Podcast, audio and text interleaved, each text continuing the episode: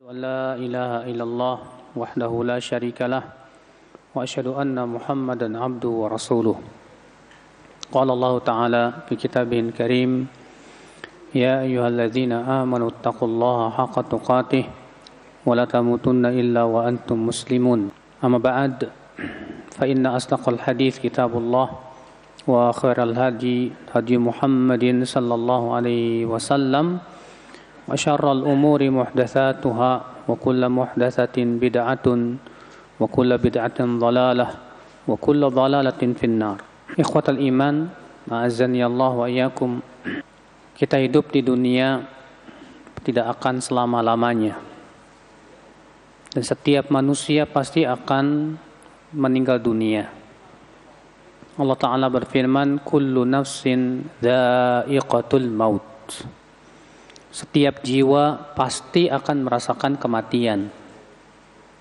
Setelah kematian, tentu di sana ada kehidupan yang lebih panjang, di mana perjalanan kita di alam kubur akan melewati berbagai macam fase. Kita akan ditanya oleh malaikat mungkar dan nakir tentang siapa Rabbmu, siapa nabimu, dan apa agamamu. Demikian pula di alam kubur kita akan mendapatkan kenikmatan jika kita orang-orang yang bisa menjawab pertanyaan tersebut. Dan sebaliknya bila kita tidak bisa menjawab pertanyaan tersebut, kita termasuk orang-orang yang sengsara di dalam di alam kubur kita. Maka orang yang di alam kuburnya tidak selamat, maka di alam akhirat nanti di hari akhirat lebih tidak selamat lagi. Rasulullah SAW sabda, Innal qabra awwalu manazil akhirah. Sesungguhnya kuburan itu adalah merupakan persinggahan akhirat yang pertama kali. Faman najamin, siapa yang selamat di kuburnya, fama ba'dahu aisar min. Maka yang setelahnya lebih mudah dari itu. Waman lam yamjumin dan siapa yang tidak selamat di alam kuburnya, maka di akhir akhirat lebih berat dari itu. Saudaraku sekalian, keselamatan di dunia semua orang menginginkan itu. Selamat di dunia, selamat dari penyakit, selamat dari kefakiran, selamat dari kesusahan, selamat dari malapetaka dan bencana. Tapi di, dunia itu untuk selamat dari itu semuanya mustahil. Di dunia pasti Allah akan berikan kepada kita berbagai macam ujian dan cobaan. Karena Allah sudah berjanji demikian. Allah berfirman, وَلَنَبْلُوَنَّكُمْ بِشَيْءٍ مِّنَ الْخَوْفِ وَالْجُوعِ وَنَقَصٍ مِّنَ الْأَمْوَالِ وَالْأَنفُسِ وَالثَّمَرَاتِ وَبَشِّرِ الصَّابِرِينَ Sungguh kami akan uji kalian. Dengan apa? Dengan sedikit rasa takut, rasa lapar, kehilangan harta, buah-buahan. Demikian pula kehilangan apa? Jiwa. Wabashiris sabirin dan berikan kabar gembira untuk orang-orang yang sabar. Kita ingin di dunia selamat dari musibah tidak mungkin, Pak. Karena musibah itu pasti akan menerpa hidup kita di dunia ini. Kita ingin selamat dari sakit, dari berbagai macam bencana dunia. Bagaimana caranya? Akan tetapi tentunya Bapak sekalian, keselamatan di dunia itu sementara. Selamat di dunia itu sementara. Sedangkan selamat di akhirat itulah keselamatan yang hakiki.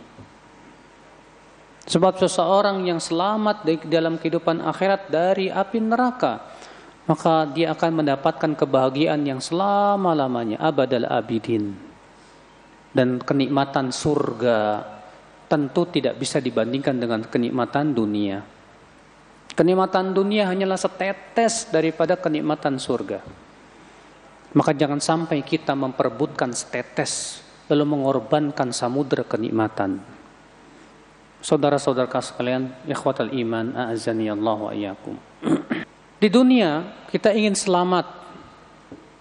Di akhirat kita pun ingin selamat juga. Kita senantiasa berdoa, Rabbana atina fid dunya hasanah. Wa fil akhirati hasanah. Wa qina adzaban nar. Wahai Rabb kami, berikan kepada kami di dunia hasanah kebaikan. Dan berikan kepada kami di akhirat pun hasanah kebaikan. Dan pelihara kami dari adab api neraka. Saudaraku sekalian, ikhwatal iman, a'azani Allah wa yakum. Namun, yang harus kita fahami dan kita sadari, tidak mungkin kita mendapatkan keselamatan hakiki di dunia dan akhirat kecuali dengan kita mengenal pencipta kita. Allah Subhanahu wa taala. Allah yang sudah menciptakan langit dan bumi ini. Allah yang sudah menciptakan seluruh manusia. Allah yang menciptakan berbagai macam kebutuhan untuk kita. Di bumi yang kita lihat berupa gunung-gunung yang tinggi, berupa pepohonan dengan yang dengan berbagai macamnya. Demikian pula bunga-bunga yang berwarna-warni. Semua itu penciptanya Allah Subhanahu wa taala. Maka ya akal Islam, keselamatan itu hakikatnya milik Allah saja. Maka siapa yang ingin diselamatkan di dunia dan akhirat, maka kewajiban dia adalah hendaklah ia mengenal Allah Subhanahu wa taala. Hendaklah ia mengenal hak-hak Allah Subhanahu wa taala. Karena dialah pemilik keselamatan. Kalau Allah takdirkan kita tidak selamat, kita tidak mungkin selamat. Siapa pun orang yang ingin menyelamatkan kita, tapi kalau Allah takdirkan kita tidak selamat, tidak mungkin kita selamat. Sebaliknya, kalau Allah takdirkan kita selamat, walaupun manusia ingin berusaha menyakiti kita dengan berbagai macam cara, mereka tidak bisa menyakiti kita kalau Allah inginkan kita selamat saudaraku sekalian. Karena Allah Maha Kuasa atas segala sesuatu. Saudaraku sekalian, makanya Rasulullah sallallahu alaihi wasallam bersabda kepada seorang kepada Ibnu Abbas, "Wa'lam anna ma akhfa'aka lam yakun liyusibak wa ma asabaka lam yakun liyukhti'ak." Ketahuilah hai anak apa-apa yang telah Allah tuliskan untuk menimpa kamu, itu pasti menimpa kamu. Dan apa-apa yang Allah tuliskan tidak akan menimpa dirimu, itu pun tidak akan menimpa dirimu. Semua sudah ditakdirkan oleh Allah Subhanahu wa taala. Tapi tentunya saudaraku, Allah menyelamatkan seorang hamba karena sebab dan Allah mencelakakan hamba pun karena sebab. Karena Allah Maha Adil. Keadilan Allah Subhanahu wa taala adalah yang paling sempurna saudaraku sekalian. Dan Allah Subhanahu wa taala menyebutkan bahwa hakikat keselamatan dan keamanan kita di dunia dan akhirat adalah dengan cara kita mentauhidkan Allah Subhanahu wa taala. Allah berfirman di dalam surat Al-A'raf, eh, surat Al-An'am, Alladzina amanu wa lam yalbisu imanahum ulaika lahumul amnu wa hum muhtadun. Alladzina amanu orang-orang yang beriman walam yalbisu imanahum bidzulmin dan mereka tidak mencampuri iman mereka dengan kezoliman.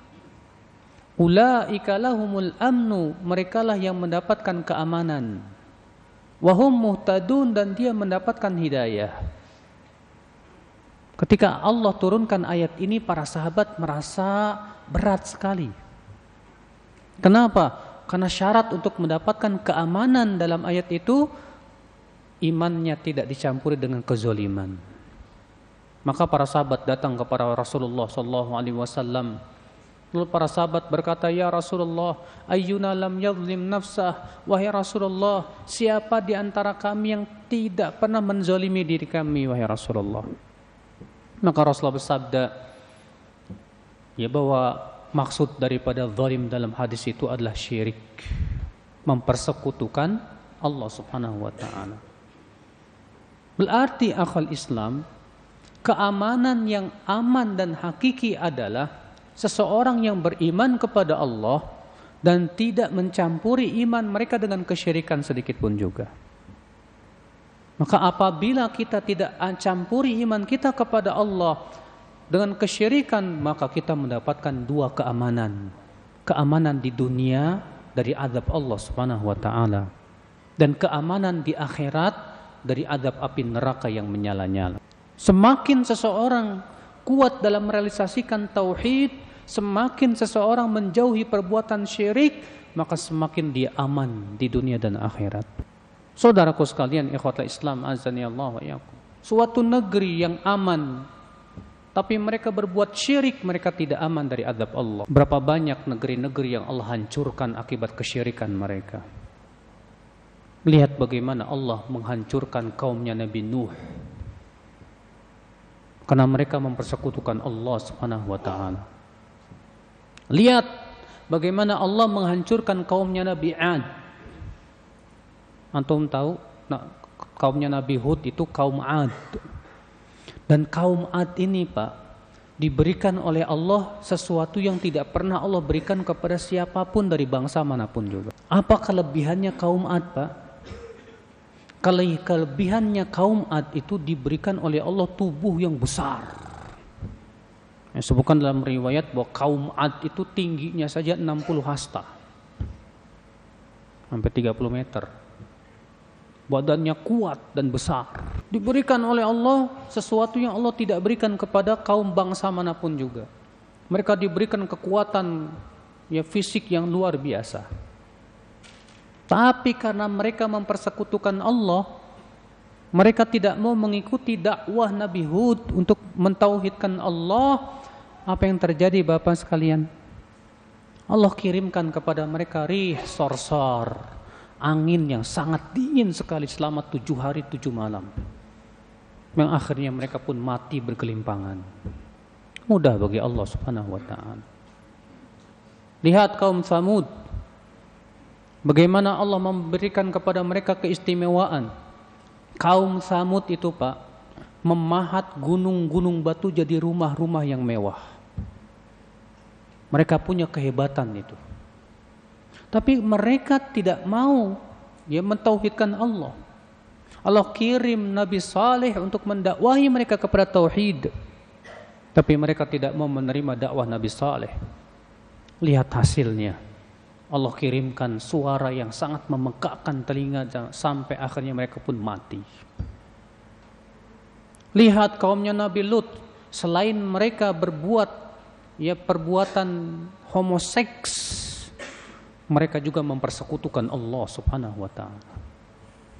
Sudahlah mereka mempersekutukan Allah, mereka pun melakukan perbuatan homoseks, akhirnya Allah timpakan adab yang sangat pedih kepada mereka. Semua kaum-kaum yang Allah ceritakan dalam Al-Quran Bapak dan Ibu-Ibu sekalian. Karena apa? Semuanya karena kesyirikan saudaraku. Semuanya karena mereka memaksiati Allah karena mereka mempersekutukan Allah. Mereka tidak mau mentauhidkan Allah subhanahu wa ta'ala. Maka saudaraku sekalian, siapa yang di dunia ini kita ingin diselamatkan dari azab Allah, dari malapetaka, tauhidkan Allah. Jangan sekutukan Allah subhanahu wa ta'ala. Di negeri kita yang tercinta ini Pak, berbagai macam malapetaka kita lihat. Tsunami yang mendera, gempa bumi, yang menghancurkan, gunung berapi yang meletus. Demikian pula berbagai macam malapetaka kita lihat. Demi Allah, Allah tidak pernah zalim kepada hamba-hambanya. Walakin kanu anfusahum yadlimun. Wa ma dhalamahumullah. Allah mengatakan Allah tidak pernah mendolimi mereka. Akan tetapi mereka diri mereka sendiri yang zalim. Saudaraku sekalian, akhul Islam, azan ya Allah wa ya. Maka saudaraku inilah ya akhi Keselamatan yang hakiki adalah dengan cara mentauhidkan Allah subhanahu wa ta'ala Berbagai macam keselamatan Allah akan berikan kepada orang yang mentauhidkan Allah Bagaimana apa keselamatan-keselamatan yang akan Allah berikan bagi mereka orang-orang yang mentauhidkan Allah? Yang pertama saudaraku, di dunia Allah akan selamatkan mereka dari adabnya yang pedih.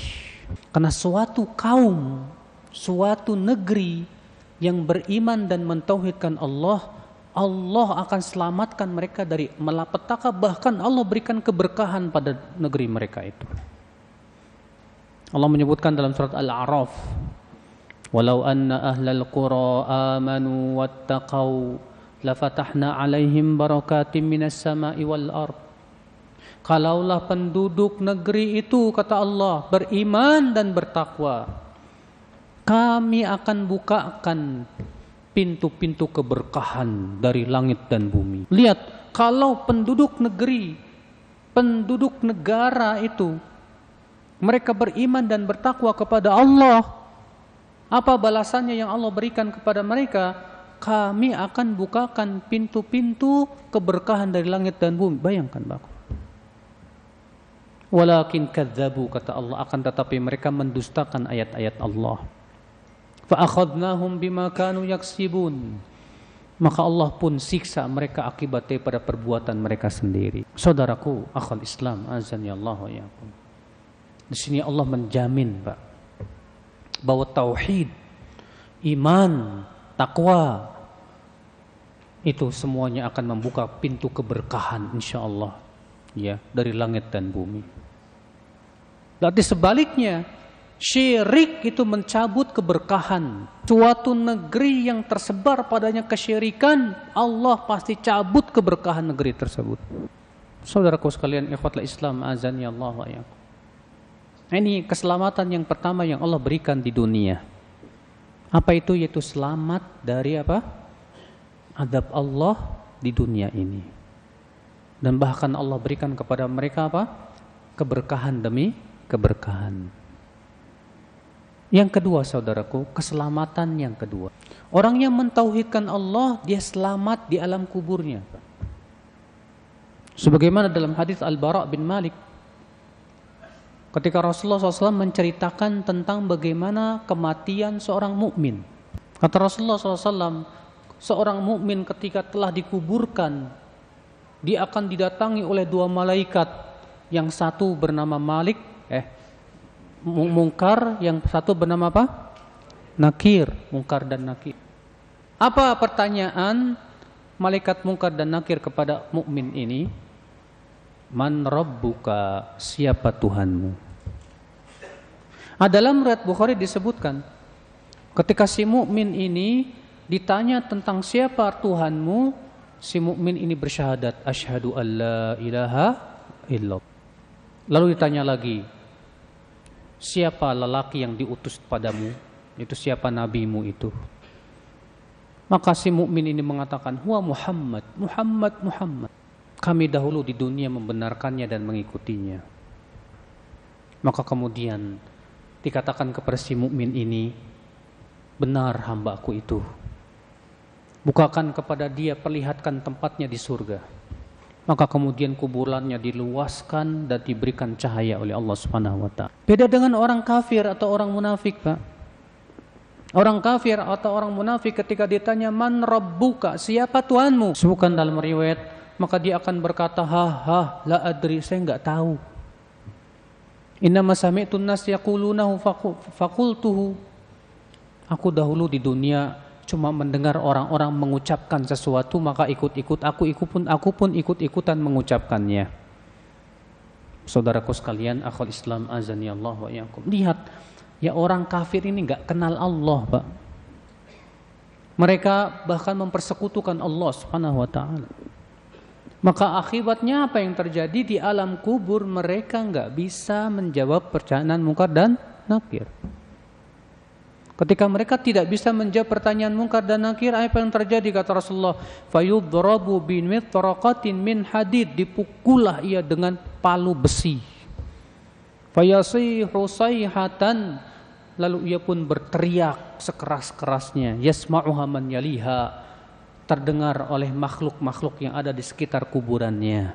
Illa thaqalain, kecuali manusia dan jin. Binatang-binatang bisa dengar, bisa. Ya. Saudara-saudara saudara-saudaraku sekalian ikhwatul iman azan ya Allah wa yakum. Lihat ya akhi. Ya. Berarti orang yang mentauhidkan Allah di kuburannya apa? Selamat. Sedangkan orang yang mempersekutukan Allah berbuat syirik di kuburan yang gak bakalan selamat. Di kuburannya pasti akan diadab oleh Allah terus menerus. Ini keselamatan yang kedua yang Allah berikan, Pak, bagi orang yang mentauhidkan Allah. Keselamatan yang ketiga dan ini keselamatan yang paling besar. Apa itu ya akhwat Islam? Keselamatan dari api neraka atau selamat dari kekal dalam neraka. Karena orang yang mentauhidkan Allah Bapak dan Ibu-ibu sekalian, jika ia tauhidnya sempurna, maka ia akan masuk surga tanpa hisab dan adab. Tapi kalau ternyata tauhidnya tidak sempurna, ia akan masuk surga. Bisa jadi dengan cara dihisab dan diadab terlebih dahulu. Tapi karena ia mentauhidkan Allah, tetap dia mendapatkan jaminan masuk apa? Surga. Makanya Masya Allah Bapak sekalian dan Ibu-Ibu sekalian. Orang yang mentauhidkan Allah itu luar biasa Pak. Rasulullah SAW bersabda dalam hadis yang dikutip Imam Al-Hakim. Yakhruju minan nar. Akan keluar dari api neraka. Man qala la ilaha illallah akan keluar dari api neraka orang yang mengucapkan la ilaha illallah akan keluar wa fi qalbi mithqala dzarratin min iman walaupun di hatinya hanya sebesar biji sawi dari apa keimanan saudaraku sekalian tauhid lihat tauhid bagaimana pengaruh tauhid dalam kehidupan saudaraku sekalian ini tiga keselamatan luar biasa Pak orang yang mentauhidkan Allah di dunia selamat di kuburan selamat di mana di dalam api neraka apa di dalam kehidupan akhirat pun ia selamat dari api neraka. Subhanallah. Adakah Pak keselamatan yang lebih besar dari ini? Mana yang lebih besar? Selamat dari penyakit atau selamat dari api neraka? Selamat dari api neraka lebih besar. Mana yang lebih besar, Pak? Selamat dari mara bahaya di dunia atau selamat dari bahaya api neraka tentu selamat dari api neraka itu lebih besar Pak. Maka ya akhi, kalau kita ingin mendapatkan tiga macam keselamatan ini, tauhidkan Allah. Jangan sekutukan Allah. Jangan kita menganggap remeh masalah syirik. Ingat saudaraku sekalian, kesyirikan itu di mata Allah dosa yang paling besar. Sampai-sampai Allah menyatakan bahwa Allah tidak akan mengampuni dosa orang yang berbuat syirik jika ia wafat di atas syirik. Allah berfirman, "Inna Allah la yaghfiru an yushraka bih." Allah tidak akan mengampuni dosa syirik. Allah tidak akan mengampuni dosa syirik selama-lamanya. Kalau ada orang meninggal di atas syirik, jangan harap masuk surga.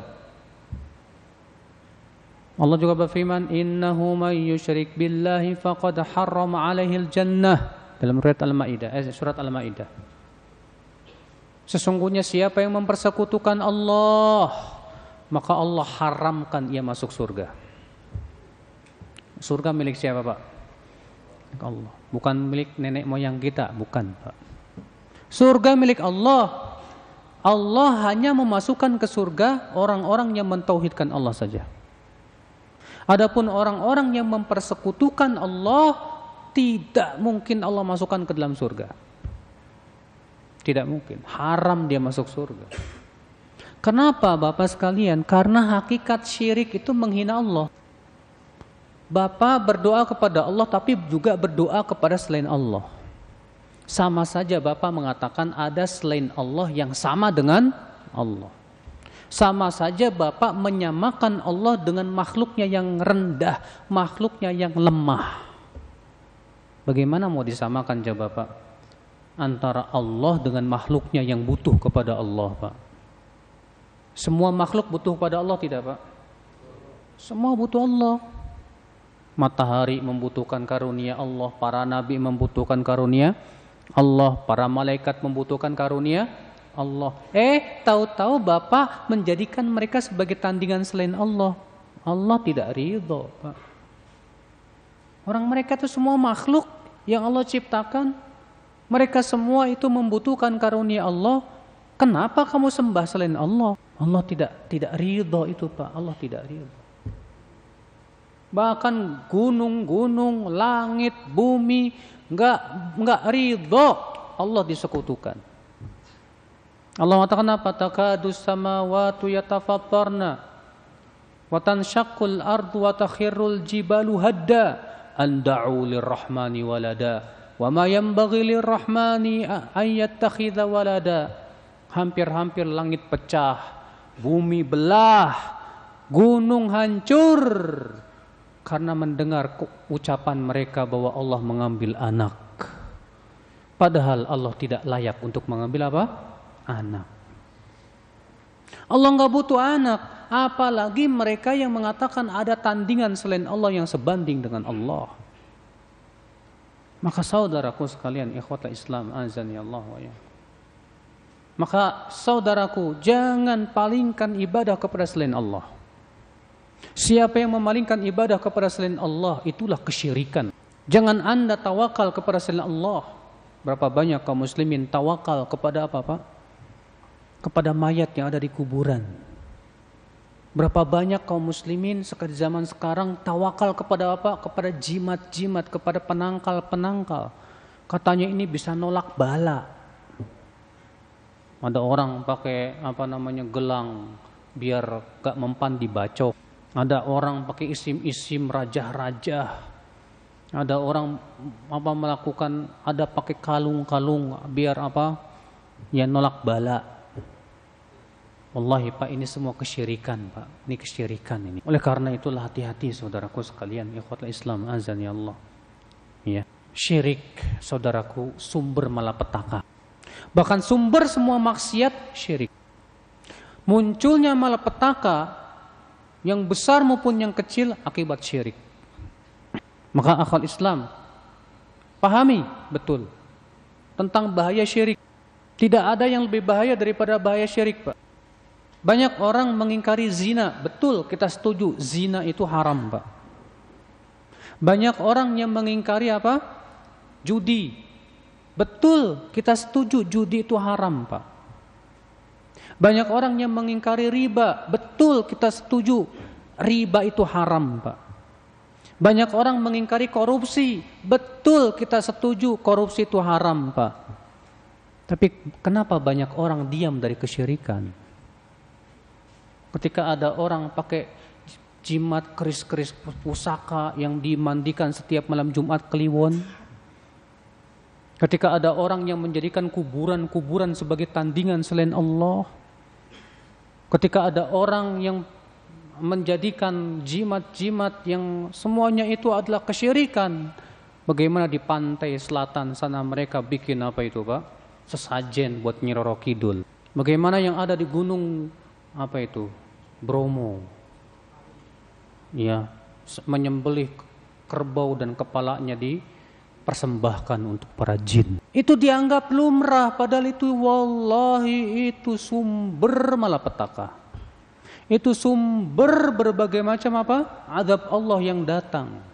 Itu kesyirikan besar. Allah tidak pernah mau disekutukan dengan selainnya. Aneh nggak Pak? Coba pikir-pikir dengan akal pikiran kita Pak. Mereka mempersembahkan kepala sapi buat penunggu gunung ya. Apakah mereka kira bahwa yang namanya Allah butuh makanan? Allah nggak butuh makanan. Makanya, makanya Allah mengatakan apa? Wa ma khalaqatul jinna wal insa illa liya'budun. Tidaklah aku ciptakan jin dan manusia kecuali agar mereka beribadah kepadaku saja. Ma uridu ma uridu minhum apa? Ma uridu minhum min rizqi wa ma uridu ayyut'imun. Setelah Allah mengatakan tidaklah aku ciptakan jin dan manusia kecuali untuk beribadah kepadaku kata Allah Allah mengatakan apa? Aku tidak menginginkan rezeki dari mereka dan aku juga tidak mengharapkan mereka memberi makan aku. Allah nggak butuh apa-apa dari manusia. Maka ya akhul Islam, mereka yang menyembelih kerbau, nyembelih apa, mereka kira Allah butuh makanan kali Pak. Allah nggak butuh makan, nggak butuh apa. Mereka sebetulnya mempersembahkan kepada para jin. Dan anehnya Pak, ketika mereka bikin sesajen-sesajen, ya ternyata kena apa? Malapetaka. Setan semakin membuat mereka apa kesusahan. Apa kata setan? Kurang sesajennya. Besoknya dibikin lagi yang lebih besar lagi Pak. Kena lagi malapetaka. Dibilang sama setan apa? tambah kurang lagi tuh sesajennya itu. Semakin kesyirikan dahsyat Pak. Bukannya sadar, bukannya kembali kepada Allah, ini malah semakin menjadi-jadi dalam kesyirikan. Makanya benar Allah berfirman dalam surat Al-Jin, "Wa annahu kana rijalun minal ins ya'uduna birijalin minal jin fazaduhum rahaqa." Dan bahwasannya ada beberapa laki-laki manusia meminta perlindungan kepada laki-laki dari jin dan para jin itu semakin mereka membuat mereka susah. Iya, betul, saudaraku. Para jin itu semakin membuat mereka ketakutan, Pak. Nanti kalau nggak dibikin sesajen, nanti gimana? Nanti gimana? Itu dari setan, dari jin. Adapun kaum mukminin yang mentauhidkan Allah, mereka mengatakan, "Natawakal Allah." Kita tawakal kepada Allah. Yang bisa memberikan manfaat dan mudarat hanyalah Allah. Yang bisa menolak bala hanyalah Allah. Ini baru tauhid. Itulah yang didakwahkan oleh para nabi dan rasul, saudaraku. Itu yang didakwahkan oleh para nabi dan rasul. Semua nabi yang mereka dakwahkan pertama kali kepada kaumnya, ya qaumi ibudullah, malakum min ilahin ghairuh. Hai kaumku, beribadalah kalian kepada Allah. Tidak ada ilah yang berhak disembah kecuali siapa? Allah saja. Itu dakwah para nabi, Pak. Tapi subhanallah, dakwah para nabi malah ditentang oleh kaumnya yang doyan berbuat syirik. Saudaraku sekalian, ikhwatal Islam, azan ya Allah wa ya. Selamatkan kita diri kita dari kesyirikan, saudaraku. Jangan kita merasa pede, ah saya imannya sudah hebat, saya nggak mungkin jatuh kepada syirik. Kata siapa? Nabi Ibrahim, nabi yang paling yang sangat sempurna tauhidnya, Pak. Beliau saja khawatir jatuh kepada apa? Syirik. Nabi Muhammad sallallahu alaihi wasallam, nabi yang terbaik, yang paling dicintai oleh Allah, yang paling sempurna tauhidnya saja beliau berlindung kepada Allah dari syirik Pak. Apa kata Nabi Ibrahim? Wajannubani wa baniya an na'budal asnam. Ya Allah jauhkan aku dan anak-anakku untuk menyembah berhala. Apa kata Nabi Muhammad Allahumma inni a'udhu bika an usyrika bika syai'an a'lamu wa astaghfiruka lima la a'lamu Ya Allah, aku berlindung kepada engkau untuk mempersekutukan engkau dalam keadaan aku tahu. Dan aku mohon ampun kepada engkau dalam perkara yang aku tidak tahu. Rasulullah berlindung dari kesyirikan. Pak. Maka kita jangan merasa yakin, pede dengan Wah, iman saya sudah hebat. Rasulullah saja merasa tidak merasa tidak aman terhadap para sahabat pada keimanan mereka. Padahal kan keimanan para sahabat luar biasa tidak, Pak? Lima hari sebelum Rasulullah wafat, lima hari sebelum Rasulullah wafat, Rasulullah mewanti-wanti. Apa kata Rasulullah? Ala la'natullah alal yahudi wan nasara. Ittakhadu kuburu anbiya'ihim masajid. Ketahuilah laknat Allah atas Yahudi dan Nasrani. Mereka menjadikan kuburan Nabi mereka sebagai masjid. Yuhadziruhum masona'u. Rasulullah mewanti-wanti Jangan sampai para sahabat melakukan perbuatan mereka. Mengambil kuburan sebagai apa? Masjid. Kenapa kata para ulama? Karena ini dari atun ila syirik. Ini wasilah menuju syirik saudara. Karena ya akhi, kesyirikan yang ditimbulkan dari kuburan itu lebih berat loh Pak. Fitnah kuburan itu lebih berat daripada fitnah batu akik Pak. Walaupun banyak juga orang yang menjadikan batu akik sebagai jimat ada. Tapi fitnah kuburan lebih mengerikan, Pak. Banyak orang kalau suruh ngelewatin kuburan merasanya kayak gimana gitu, Pak. Tapi kalau ngelewatin batu akik biasa aja. Makanya fitnah kuburan besar. Berat. Maka Rasulullah SAW melaknat orang yang mengambil kuburan sebagai apa? Masjid. Karena itu jalan terbesar untuk disembah selain Allah Subhanahu wa. Di tempat saya, Pak, ada sebuah tempat kuburan yang dikeramatkan. Mereka punya keyakinan bahwa orang yang ziarah ke sana itu lalu mandi di kali di situ dengan dekat situ dosanya habis dan pasti terkabul doanya. Saya punya teman pernah mendatangi sebuah tempat perkuburan keramat, Pak. Ketika datang ke tempat situ, dia melihat orang-orang lagi khusyuk baca Quran, Pak. Baca Qurannya di kuburan, bukannya di rumah. Kemudian dia nanya, Mas, kamu sudah berapa hari di sini di kuburan? Sudah tiga hari, Mas. Sudah tiga kali hatam di rumahnya belum tentu hatam, Mbak.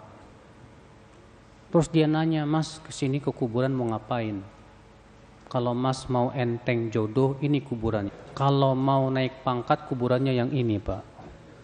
Ini, ini kuburannya ada ada tugas masing-masing. La haula wala quwata illa billah. Ini kesyirikan, Pak. Mayat yang ada di kuburan sudah tidak bisa memberikan manfaat dan mudarat. Allah mengatakan dalam surat Al-A'raf ayat 188. Apa kata Allah? Qul la amliku li nafsi naf'an wa la dharran illa ma Allah. Katakan hai Muhammad, ini yang disuruh ngomong siapa? Nabi Muhammad SAW, Nabi kita. Katakan hai Muhammad, aku tidak memiliki untuk diriku manfaat dan mudarat kecuali apa yang Allah kehendaki. Lihat Rasulullah saja tidak bisa memberikan manfaat dan mudarat untuk dirinya sendiri semasa beliau masih hidup. Bagaimana setelah meninggal? Kalau masih hidup saja, Rasulullah disuruh mengatakan oleh Allah, aku tidak bisa memberikan manfaat dan mudarat untuk diriku sendiri. Apalagi kepada orang lain. Saya dulu waktu masih kuliah di Madinah, Pak, saya punya teman dia kerja, kerja di situ di sekitar perkuburan Rasulullah. Di pas musim haji itu Pak, banyak orang jemaah-jemaah haji itu ya yang masuk masukin kertas ke lubang tuh plung plung plung. Diambilin sama teman saya dibaca. Oh rupanya permintaan ke Rasulullah. Ya Rasulullah ya tolonglah supaya gaji saya dinaikin. Ya Rasulullah tolong dientengkan jodoh saya ya Rasulullah dia kira Rasulullah bangun kali baca-bacain la haula wala quwata illa billah Rasulullah sudah meninggal Rasulullah sudah meninggal Rasulullah tidak bisa memberikan manfaat dan mudarat sewaktu masih hidup apalagi sudah meninggal dunia. Inilah kesyirikan saudaraku sekalian. Bukan kita tidak menghormati Rasulullah. Menghormati Rasulullah bukan seperti itu. Makanya Rasulullah bersabda dalam riwayat Tirmidzi apa? La tuturuni kama atratin nasara Isa bin Maryam. Jangan kalian berlebih-lebihan dalam memujiku kata Rasulullah. Seperti orang-orang Nasrani berlebih-lebihan memuji Nabi Isa bin Maryam. Saudaraku sekalian, ikhwata Islam azani Allah.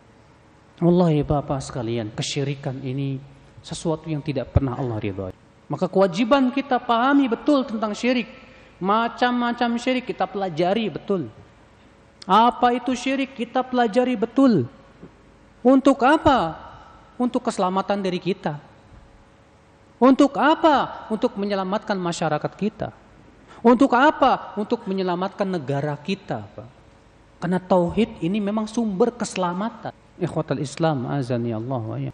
Maka ya akal iman azani Allah wa ya. Jadi sekali lagi saudara-saudaraku sekalian, ya, orang yang mentauhidkan Allah, maka Allah berikan keselamatan di dunia, di mana lagi? Di alam kubur, di mana lagi? Di akhirat. Selamat dari api neraka atau selamat dari kekal dalam api neraka. Ya. Semoga Allah selamatkan kita dari adab api neraka saudara-saudaraku sekalian ikhwatal Islam azan. Kemudian ya akhi, tauhid sumber datangnya ampunan Allah Subhanahu wa taala. Tidak mungkin orang yang berbuat syirik diampuni oleh Allah. Walaupun amal solehnya banyak. Ada orang haji 60 kali. umrohnya 200 kali, infaknya banyak sekali, tapi ternyata ia mempersekutukan Allah. Berbuat syirik. Maka Allah berfirman apa? La in asyrakta la yahbatanna amaluk. Kalau kamu berbuat syirik, batal amalanmu. Habis. Berarti orang yang walaupun banyaknya amal dia, tapi kalau dia berbuat syirik, dia tidak akan mendapatkan ampunan Allah Subhanahu wa taala. Sebaliknya, ada orang yang dosanya sepenuh bumi. Dosanya sepenuh apa? Bumi. Lalu ia meninggal dalam keadaan tidak mempersekutukan Allah sedikit pun juga. Dia meninggal dan bertemu dengan Allah dalam keadaan ia mentauhidkan Allah saja maka Allah akan datang membawa ampunan sepenuh bumi juga. Sebagaimana Imam Tirmidzi meriwayatkan bahwa Allah taala berfirman dalam hadis qudsi, "Ya ibna Adam, innaka law law ya ataitani bi qurabil ardi khataya." Kalau kamu datang membawa dosa sepenuh bumi, la tusyrik bi kemudian kamu meninggal dalam keadaan kamu tidak mempersekutukan aku sedikit pun juga. La'ataituka biqurabihal maghfirah. Aku akan datang membawa ampunan sepenuh bumi juga. Bayangkan. Lebih baik mana Pak sedikit dosa tapi matinya berbuat syirik banyak amal solehnya tapi matinya berbuat syirik atau banyak dosanya tapi matinya tauhid yang lebih baik mana yang lebih baik banyak amalnya, sedikit dosanya, matinya tauhid. Ya pasti itu. Ya. Tapi kalau dibanding-banding nih, yang satu amal solehnya banyak, dosanya banyak, eh, amal solehnya banyak, dosanya dikit, tapi matnya berbuat syirik. Yang satu lagi amal solehnya dikit, maksiatnya banyak, tapi wafatnya dalam keadaan tauhid. Lebih baik mana Pak?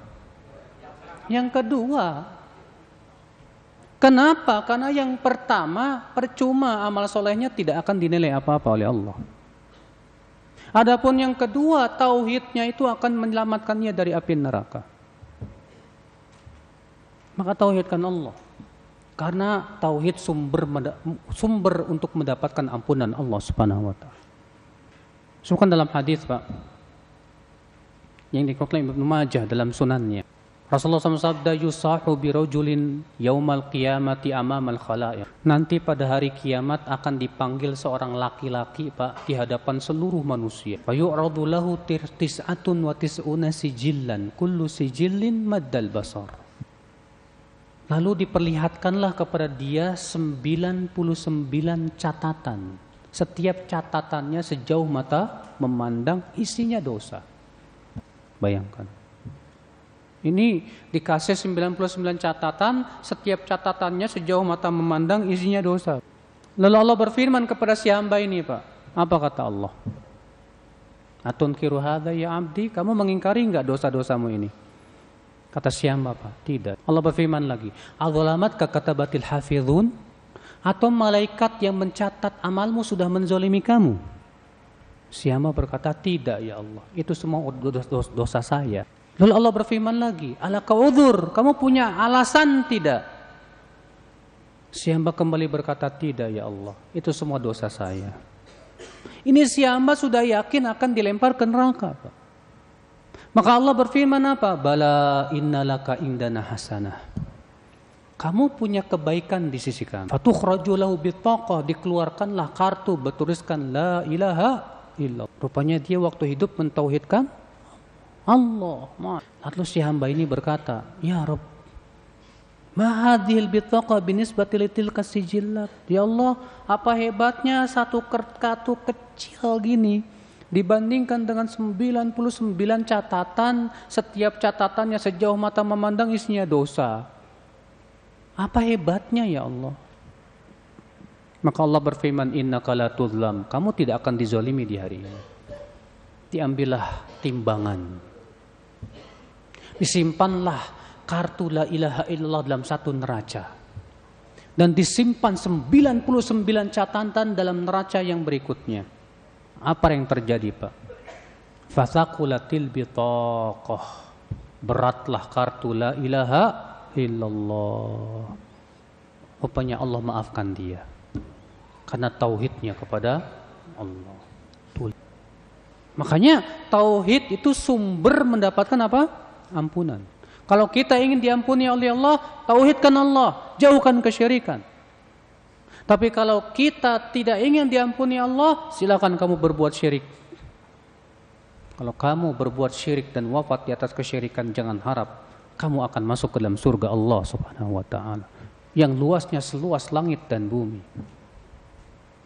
Ya akal Islam azan ya. Maka dari itulah saudaraku sekalian, kalau kita ingin mendapatkan ampunan dari Allah, segera tauhidkan Allah ya, jauhkan berbagai macam kesyirikan-kesyirikan. Ini yang kedua saudaraku bahwa sumber untuk mendapatkan ampunan itu apa? Tauhid. Apa? Tauhid. Ya. Dan sumber tidak mendapatkan ampunan itu apa? Syirik. Kemudian yang ketiga, bahwa tauhid itulah syarat diterimanya amal soleh kita. Amal soleh kita itu percuma, Pak, sia-sia kalau disertai dengan kesyirikan kepada Allah Subhanahu wa taala.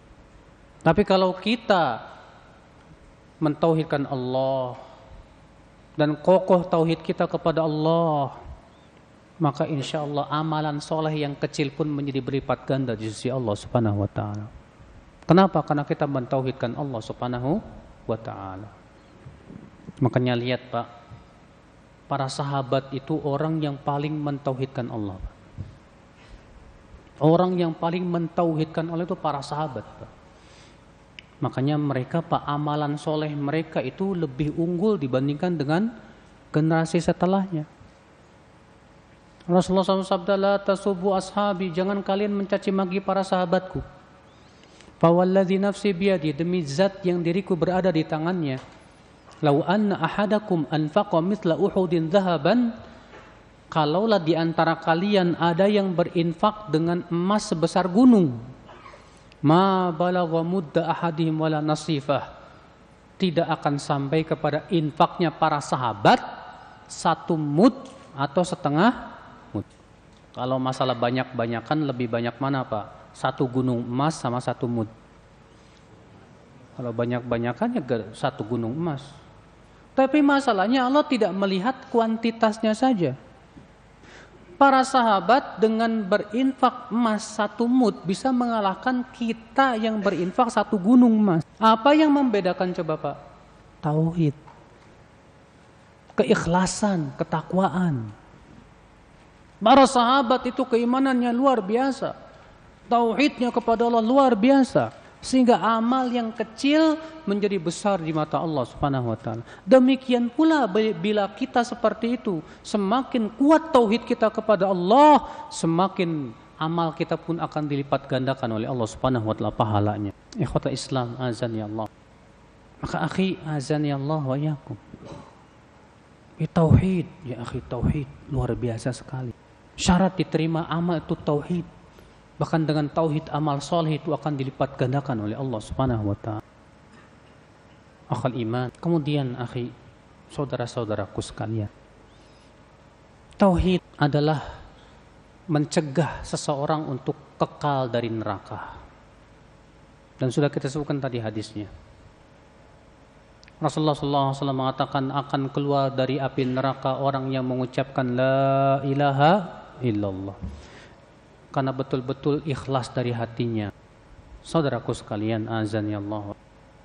Yang kita pikirkan sekarang adalah Pak, bagaimana kita wafat di atas tauhid. Bagaimana kita wafat dalam keadaan jauh dari syirik, Pak. Nah ini apa sih ya caranya supaya kita ini wafatnya di atas tauhid? Agar kita wafat di atas tauhid, Pak. Yang pertama, terus meneruslah kita belajar tentang tauhid. Terus meneruslah kita belajar tauhid. Karena tauhid itu, Pak, bukan sebatas pengetahuan, Pak. Tapi aplikasi. Ada orang, Pak, sudah belajar tauhid 20 tahun. Wah, kita kitab tauhid sudah belajar, usul salatah sudah belajar, berbagai macam kitab tauhid sudah dipelajari. Eh, pas naik pesawat masih ketakutan, takut jatuh. Nggak ada tawakalnya sama Allah. Eh, pas dia tahu pekerjaannya haram, bingung dia. Saya nanti kalau keluar dapat rezeki dari mana? Padahal udah lama belajar tauhid. Tapi ketika dikasih seperti itu ketakutan. Mana tauhidnya selama ini? Mana tauhidnya? Makanya tauhid itu bukan sebatas pengetahuan, tapi apa? Aplikasi. Orang yang mentauhidkan Allah Subhanahu wa taala, Pak, mengharuskan apa? Tawakal dia kepada Allah kuat.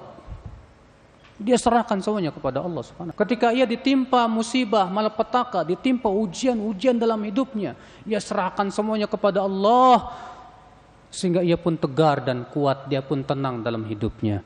Ini berarti dia memang benar dia sudah mentauhidkan apa? Allah Subhanahu wa taala. Orang yang mentauhidkan Allah, Pak, mengharuskan kita yakin kepada Allah itu kuat, Pak. Tapi banyak di antara kita sudah belajar tauhid bertahun-tahun, Pak, tapi ketika berdoa setahun nggak dikabulin doanya, suzon sama Allah. Udah berdoa, berdoa ya Allah, ya Allah, ya Allah, ya Allah, ya Allah. Kok setahun belum dikabulin juga ya? Akhirnya mulai dia suzon sama Allah. Mulai dia bosan berdoa. Akhirnya dia tinggalkan berdoa. Itu padahal dia udah belajar tauhid lama, Pak. Berarti kan tauhid tauhid itu bukan sebatas apa? pengetahuan. Yang terpenting dari tauhid tauhid itu apa? aplikasi. Orang yang mentauhidkan Allah, Pak, mengharuskan apa? Cintanya kepada Allah kuat, Pak. Dia mencintai Allah melebihi segala-galanya. Ternyata dia sudah, dia belajar tauhid, Masya Allah. Tapi ternyata ada sesuatu yang dia cintai. Ya. Selain Allah subhanahu wa ta'ala seperti mencintai Allah. Ini bahaya. Tauhid itu mengharuskan apa Pak? Kita takut kepada Allah melebihi takutnya kepada segala sesuatu. Kita hanya takut kepada Allah. Hanya Allah yang paling kita takuti. Tapi ada orang yang belajar tauhid, Pak, masih ketakutan nggak dapat rezeki. Padahal dia yakin seyakin-yakinnya bahwa Allah pemberi rezeki. Tapi masih ketakutan. Aduh, kalau saya tinggalin pekerjaan saya yang haram ini kira-kira gimana ya? Nanti rezeki saya gimana? Nanti, nanti, nanti. Di mana tauhidmu selama ini kalau begitu? Saudaraku sekalian ikhwatlah Islam azan ya Allah. Tauhid kepada Allah Subhanahu wa taala, Pak, mengharuskan kita sabar menghadapi ujian dan yakin sebenar-benarnya yakin bahwa orang yang sabar itu pasti Allah akan berikan pertolongan.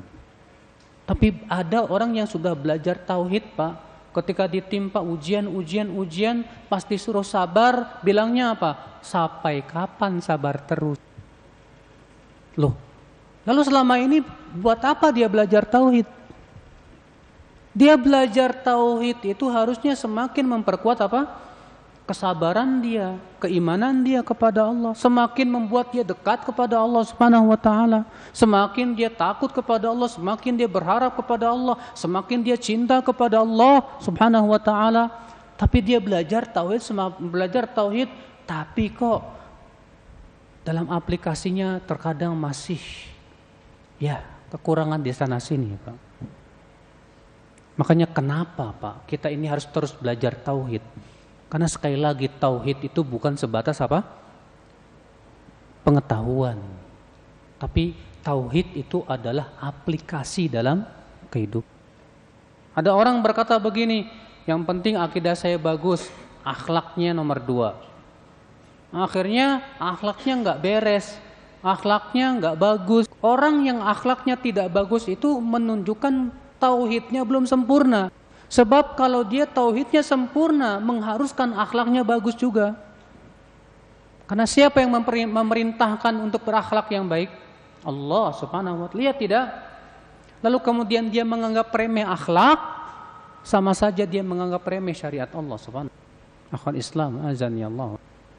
Ada orang akal Islam azan ya Allah wa yakum terkadang menganggap remeh sebagian perintah-perintah Allah. Akhirnya dianggap remeh ah ini masalah jenggot aja kok dipermasalahin. Padahal yang memerintahkan jenggot siapa? Rasulullah. Rasulullah yang memerintahkan siapa? Allah pencipta langit dan bumi. Kok masih aja di, dianggap remeh? Ya akhi, tauhid Anda dipertanyakan. Maksudnya masih kurang tauhidmu. Sebab orang yang mentauhidkan Allah, konsekuensinya apa? Mengagungkan perintah Allah. Yang diminta dari kita mengagungkan Allah. Itu tauhid, Pak.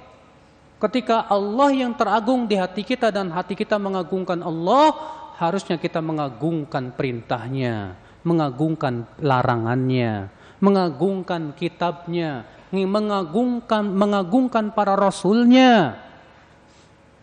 Ternyata kita banyak melecehkan dan meremehkan perintah-perintah Allah Subhanahu wa taala. Itu menunjukkan akan adanya kekurangan dalam apa? Tauhid. Ketika kita sendirian, nggak ada orang yang lihat, berani kita berbuat dosa. Pas di depan orang kelihatan orang bertakwa.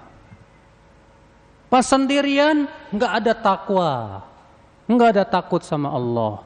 Kenapa? Kurang tauhidnya, Pak. Sebab kalau dia mentauhidkan Allah, dia akan takut kepada Allah di depan orang maupun saat sen sendirian. Saat sendirian dia pun takut kepada Allah karena dia yakin Allah melihat dirinya. Orang yang mentauhidkan Allah Subhanahu wa taala akal Islam azan ya Allah ya. Semakin tauhid seorang hamba, Pak, matanya semakin terjaga. Semakin sempurna tauhid seorang hamba, Pak, telinganya semakin terjaga. Semakin kuat tauhid seorang hamba, lisannya akan terjaga, Pak. Makanya orang yang suka gibah, suka ngerumpi, jelek-jelekin orang, saya katakan ini tauhidnya kurang sempurna. Sebab kalau tauhidnya sempurna harusnya dia takut kepada Allah. Dia takut kepada Allah untuk Allah Subhanahu wa taala berikan kepada dia adabnya. Sehingga ia tidak berani mengucapkan kata-kata yang itu dimurkai oleh Allah Subhanahu wa taala. Saudaraku sekalian. Orang yang mentauhidkan Allah sempurna, Pak, salatnya khusyuk. Adapun orang yang salat nggak bisa khusyuk, itu tandanya dia kurang mengagungkan Allah dan kurang membesarkan Allah. Makanya kan kita sholat mengucapkan apa? Takbiratul ihram Allahu Akbar. Artinya apa Allahu Akbar Pak? Allah yang paling besar. Kalau Allah yang paling besar di hati kita, kita pasti khusyuk Pak. Kalau hati kita membesarkan Allah dan di hati kita yang terbesar itu Allah, khusyuk. Tapi kalau kita tidak bisa khusyuk, itu artinya ada selain Allah yang lebih besar di hati kita atau Allah tidak besar di hati kita. Nanti tauhidnya kurang tidak, Pak? Ada kekurangan dalam tauhid. Saudara-saudaraku sekalian ikhwata Islam azan ya Allah Jadi kalau kita belajar tauhid itu akan membereskan segalanya, Pak. Seorang pekerja yang mentauhidkan Allah gak berani korupsi waktu, Pak. Dia akan disiplin. Disuruh kantornya masuk jam 7 ya jam 7 masuk Disuruh kantornya jam 5 keluar, ya jam 5 keluar. Tapi kalau orang yang kurang tahu tauhidnya kurang sempurna, masuk jam 8, pulang jam 4. Korupsi 2 jam. Dia bilang apa? Bos saya nggak tahu. Tapi kan Allah tahu. Bosmu nggak tahu, tapi Allah tahu. Kenapa bisa berbuat seperti itu? Tauhidnya kurang. Kalau tauhidnya sempurna, walaupun bosnya nggak lihat dan yakin Allah yang lihat, dia akan tetap amanah Pak, amanah. Iya. Kita terkadang bawa mobil Pak, pas lampu merah lihat ada polisi nggak ya? Ah nggak ada polisi, ngeng. Polisi nggak lihat, tapi Allah lihat loh Pak. Kalau orang yang yakin Allah lihat, Pak polisi nggak lihat, tapi Allah lihat, tetap saya berhenti.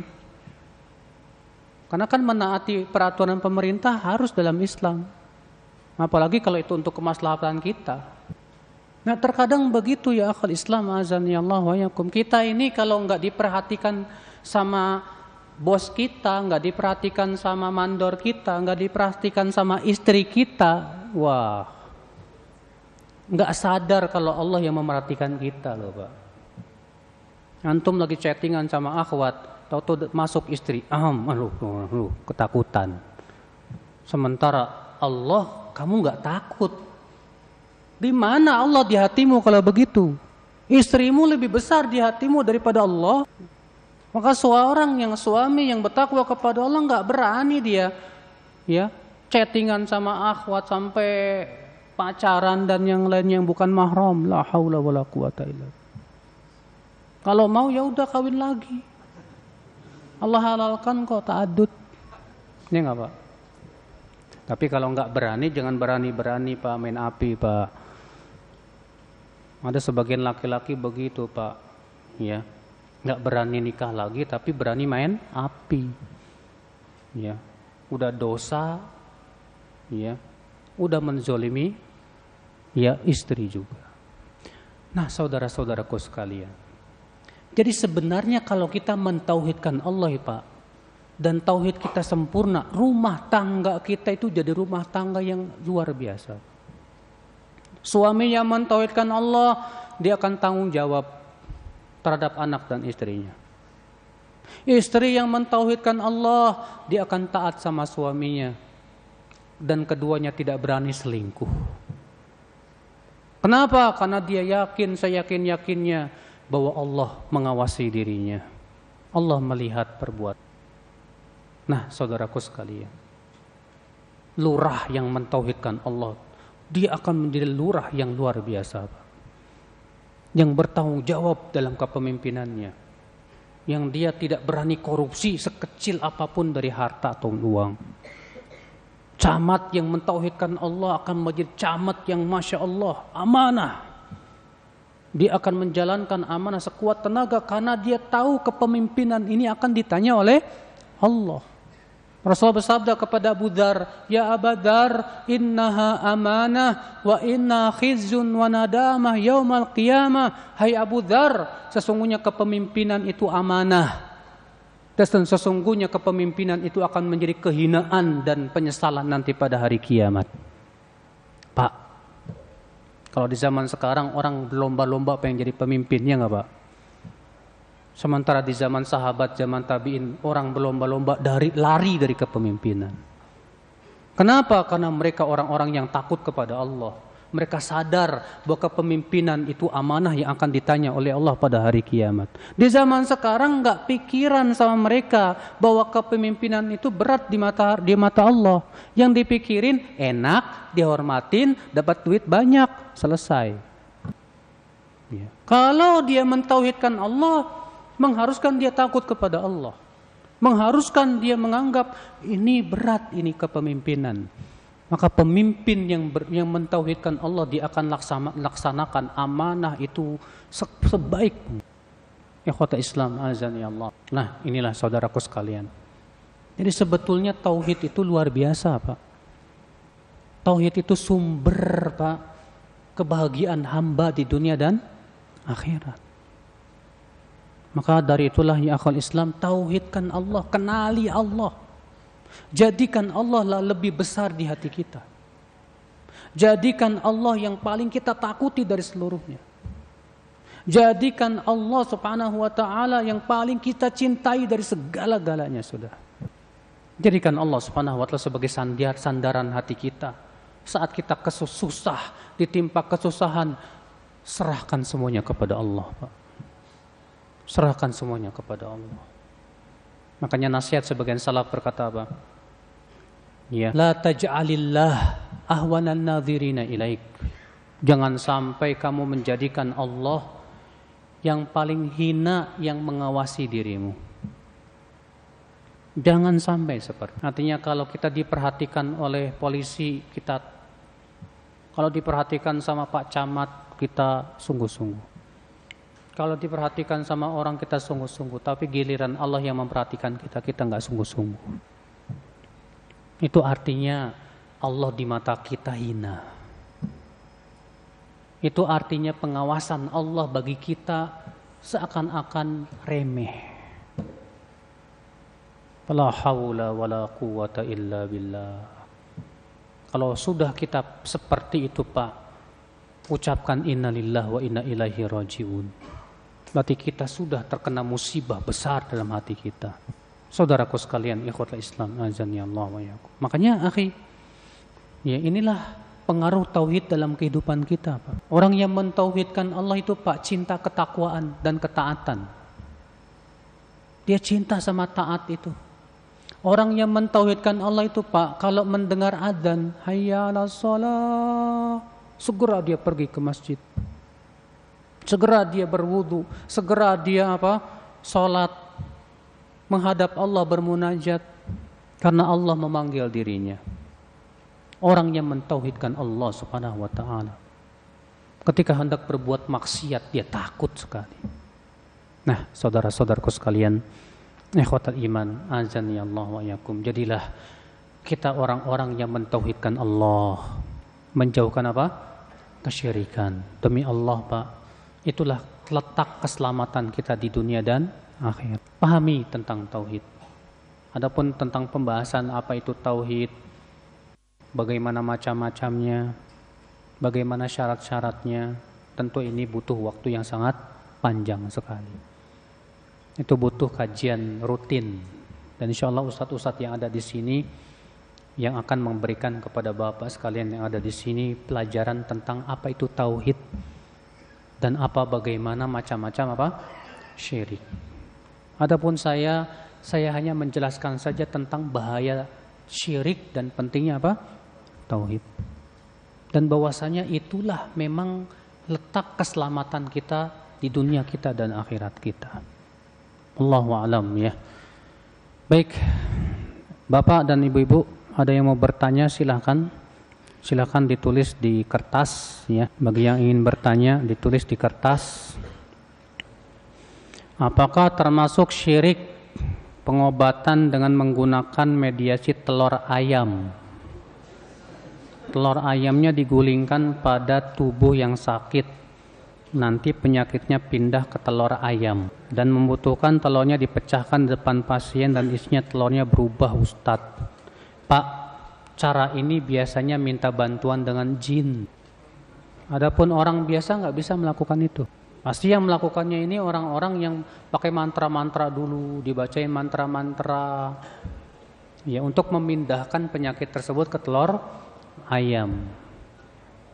Dan minta bantuan kepada jin termasuk dilarang oleh dalam Al-Qur'an. Bahkan bisa menjadi kesyirikan. Maka ini jelas tidak diperbolehkan ya. Rasulullah SAW menganjurkan umatnya berobat tapi jangan berobat dengan cara yang haram. Nabi menganjurkan kita makan obat seperti apa? Habah sauda, minum madu, demikian pula pengobatan-pengobatan yang lainnya. Enggak ada satupun disebutkan bahwa Rasulullah ngambil telur ayam terus digelindingin di tubuh. Padahal di zaman Nabi telur ayam ada nggak pak? Ada. Iya. Maka ini jelas Pak, ini perbuatan para dukun. Ya. Apakah amalan-amalan yang tidak sesuai dengan tuntunan Rasulullah bisa merusak tauhid kita? Betul. Makanya Syekhul Islam mengatakan apa? Semakin seseorang kuat itibanya kepada Rasulullah, maka semakin kuat tauhidnya. Tapi semakin seorang kuat itibanya kepada Rasulullah, semakin lemah tauhidnya. Maka kalau dia semakin ber, melakukan perbuatan yang tidak sesuai dengan tuntunan Rasulullah maka semakin ia kurang sempurna tauhidnya. Karena konsekuensi tauhid itu mengharuskan kita mengikuti siapa? Rasulullah SAW. Makanya dua kalimat syahadat itu bergandengan. Asyhadu an la ilaha illallah, asyhadu anna Muhammadar Rasulullah. Asyhadu alla ilaha illallah tauhid kepada Allah. Asyhadu anna Muhammad Rasulullah tauhid dalam ittiba kepada Rasulullah sallallahu alaihi wasallam. Tidak boleh kita tauhid kepada Allah tapi kepada Nabi Muhammad kita tidak mau ikuti tuntunannya. Berarti kurang tauhid kita. Ya, itu sangat berpengaruh kepada kekurangan tauhid kita. Bagaimana menyikapi jimat-jimat yang ditinggal oleh anggota keluarga? Dikubur atau di, di gimana Ustadz? Dibakar aja Pak, ya. Jimat-jimat itu bagusnya dibakar aja, dimusnahkan Pak. Ya, dan jangan nggak usah takut, nggak usah khawatir. Karena sebagian orang yang merasa takut nanti kalau saya bakar nanti jinnya nyerang saya. Nah, tawakal sama Allah, tawakal. Ya. Jadi kalau nemu-nemu jimat kayak gitu ya penangkal-penangkal begitu ambil aja udah bakar. Bismillah. Dimusnahkan semua. Bila kita tidak menyadari bahwa itu syirik gimana Ustadz? Tidak menyadari maksudnya antum nggak tahu ini syirik.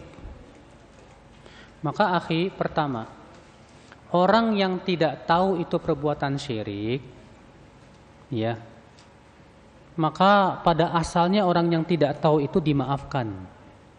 Tapi kewajiban dia mencari ta tahu. Wajib setiap muslim itu menuntut ilmu, Pak. Wajib setiap muslim itu bertanya kepada ahli ilmu, Pak. Tentang perbuatan yang dia lakukan, apakah ini termasuk syirik atau tidak. Maka kalau misalnya kita berbuat syirik tapi kita nggak mau nanya ulama ini syirik apa bukan, tetap dapat dosa di sisi Allah. Maka dari itulah saudara-saudaraku sekalian, khotbah Islam azan ya Allah wa yakum, ya. Kalau kita tidak menyadari itu syirik dan setelah itu baru tahu itu syirik, cukup taubat kepada Allah, minta ampun kepada Allah dan jangan lagi ulangi perbuatan tersebut. Ya. Bagaimana cara minta ampun kepada Allah bila pernah melakukan syirik tapi kita tidak menyadari?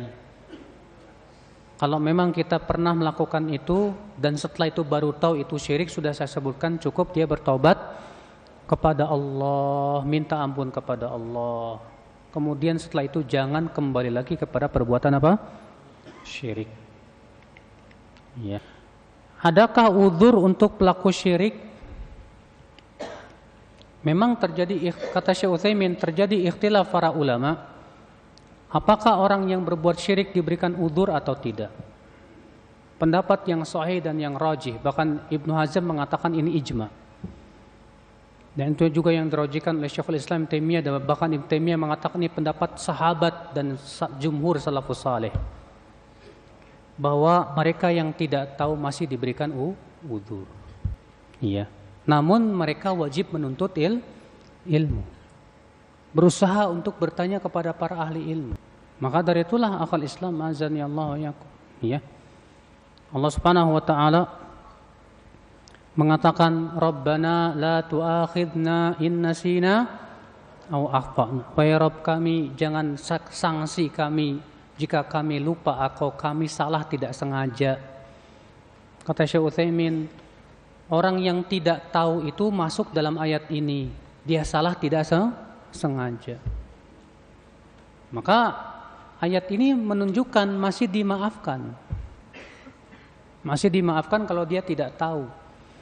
Selama tidak tahunya bukan karena menganggap remeh menuntut il, ilmu. Ya. Boleh nggak sih Ustadz ngambil ilmu dari orang yang suka ngomongin orang lain? Dan memiliki akhlak yang buruk. Kalau antum tahu orang tersebut akhlaknya buruk, mendingan jangan diambil ilmunya, Pak. Sebab antum mengambil ilmu dari seseorang itu bukan sebatas mengambil ilmu, tapi mengambil akhlak. Makanya disebutkan bahwa Imam Ahmad yang menghadiri majlis taklim beliau itu 12 ribu orang. Yang menuntut ilmu hanya 2000, selebihnya ingin melihat bagaimana akhlak Imam Ahmad bin Hanbal. Maka kalau misalnya antum punya guru akhlaknya bejat, akhlaknya buruk, lisannya kotor, ana yakin antum akan lebih buruk dari guru antum. Ya, maka dari itu usahakan ya kalau punya guru itu yang bisa kita lihat bagus juga akhlaknya, ya bukan semata-mata dia punya ilmu tapi ternyata tidak bisa mengaplikasikan dalam kehidupan. Cara mengaplikasikan dalam kehidupan itu tidak mudah. Apakah ada cara termudah untuk meningkatkan amal, untuk meningkatkan tauhid? Antum maunya mudah mulu. Sementara bagaimana para sahabat susah payahnya, Pak? Bagaimana Rasulullah SAW berdakwah susah payahnya Pak. Dengan kesusahan-kesusahan yang dilewati itu akhirnya imannya tertempa. Kalau kita maunya mudah lagi mudah, mudah tanpa ada perjuangan, nggak bisa meningkat iman kita nggak bisa.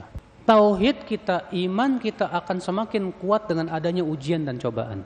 Makanya ya akal Islam, Allah uji kita terkadang dengan apa? Perintah. Allah uji kita terkadang dengan apa? Dengan larangan. Allah uji kita juga terkadang dengan apa? Hah? Dengan musibah.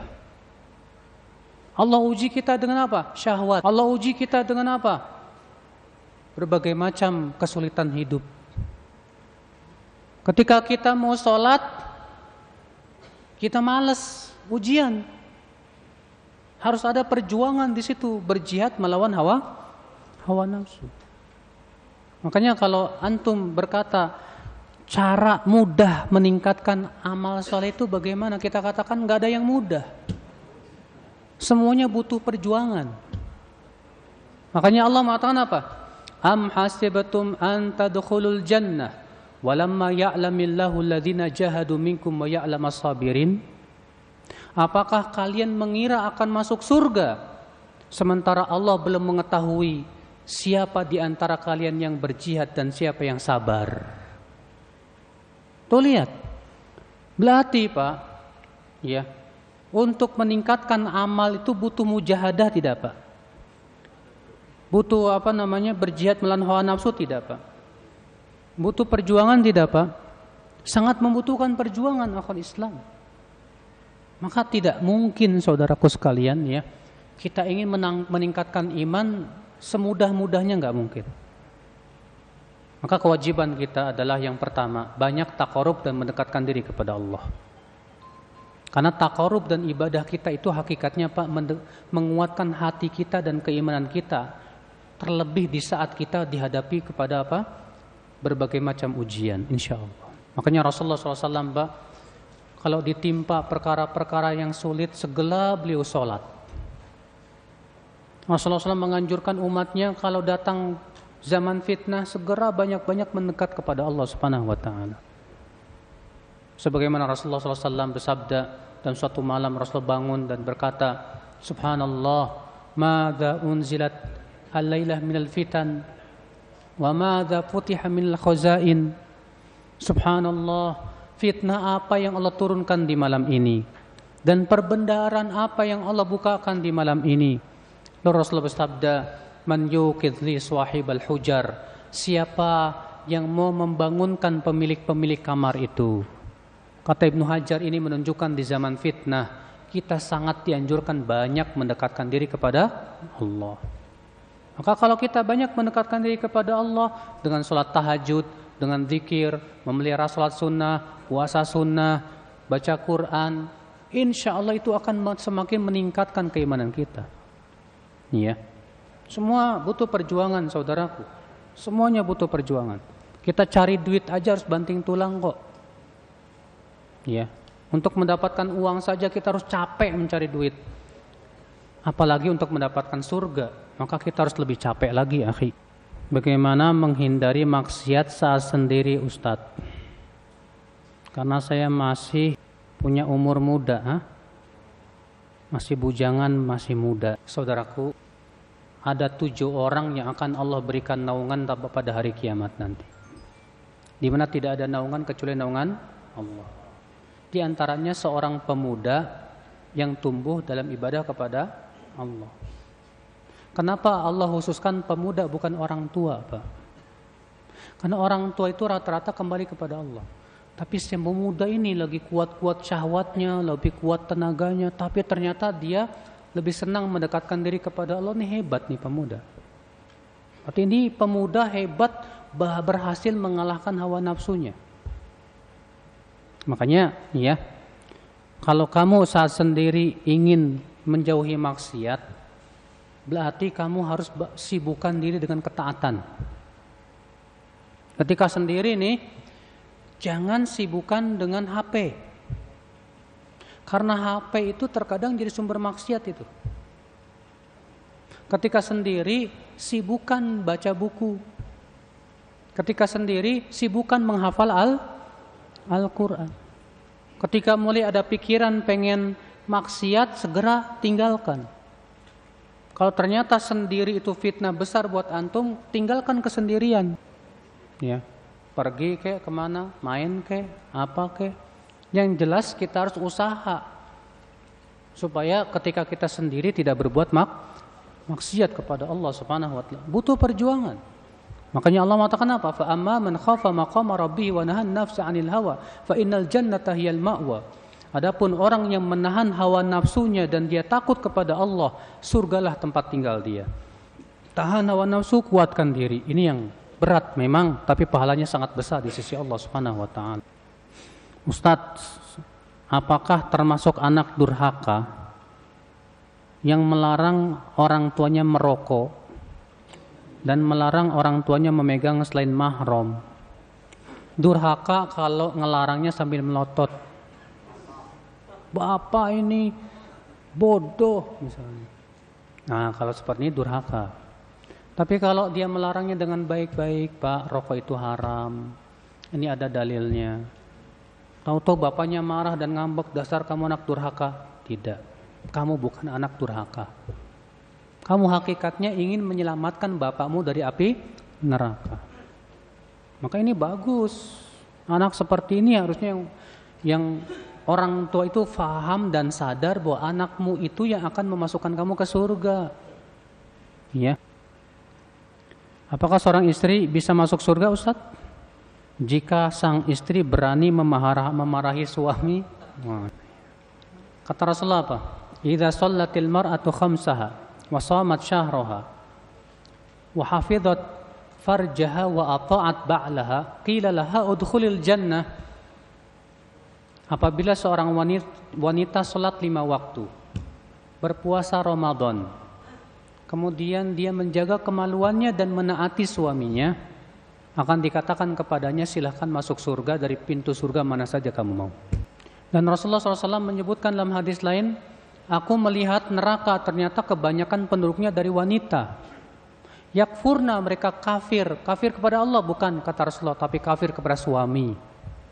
Suami sudah banyak berbuat baik sama istrinya. Eh gara-gara satu kesalahan si istri melupakan kebaikan suami. Maka kalau istri marah-marah sama suami kita lihat kenapa dulu.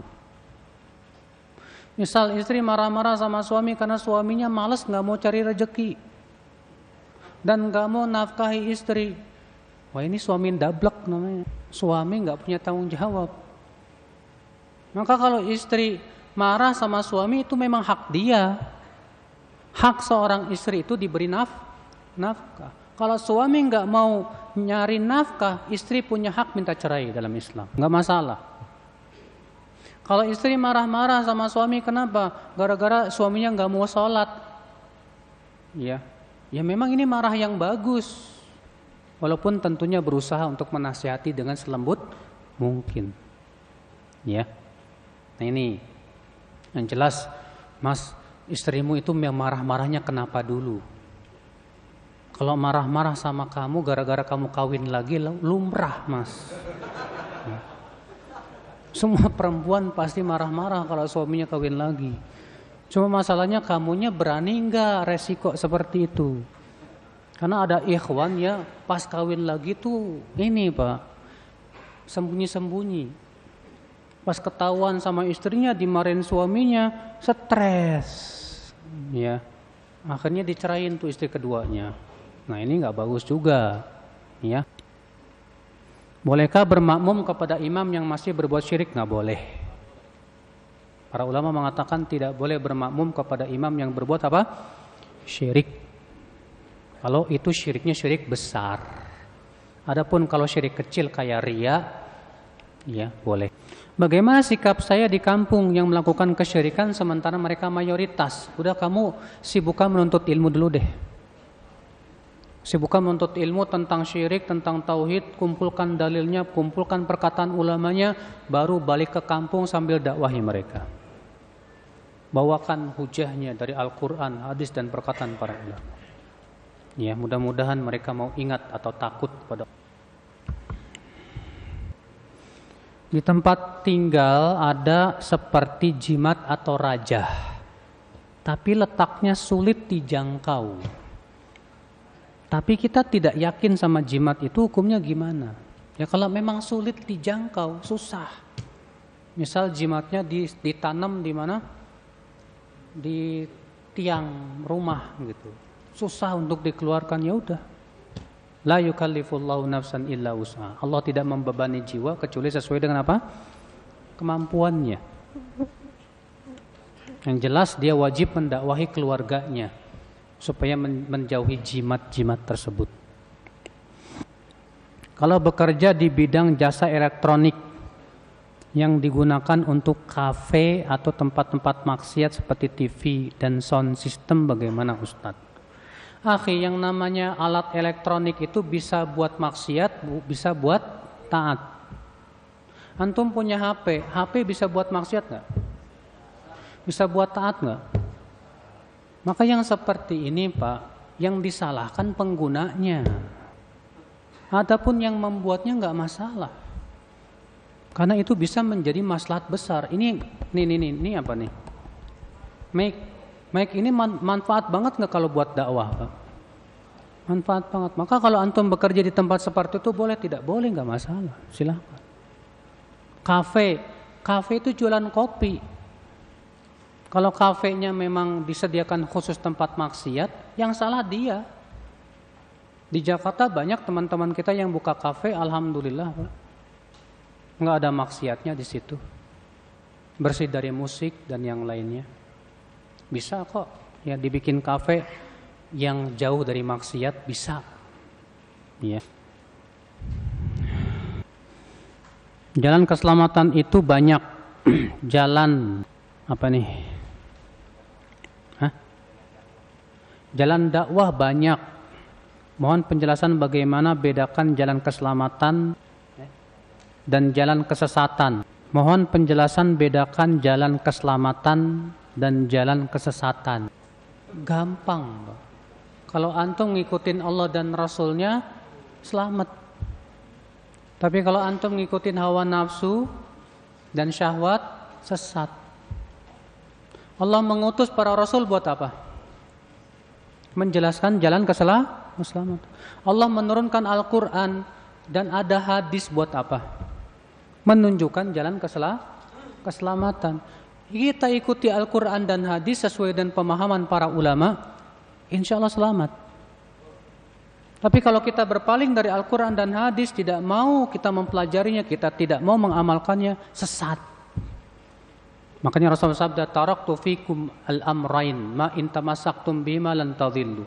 Aku tinggalkan untuk kalian dua perkara. Selama dua perkara itu kalian pegang, kalian tidak akan sesat.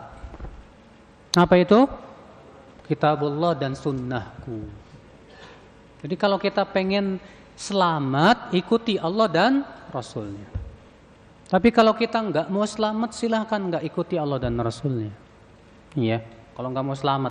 Se seorang dirukyah lalu dirukyah, sedang keluarga pasang jimat untuk penyembuhan, gitu. Apa yang harus kita lakukan selanjutnya? Bagaimana merukyah orang yang terkena jin? Akhi, merukyah orang yang terkena jin ini harus orang-orang yang memang pertama dia punya banyak waktu. Karena merukyah orang yang kena jin ini nggak butuh butuh sehari bahkan se, seminggu bahkan sebulan. Makanya saya kalau diminta ngerukyah saya nggak mau, Pak.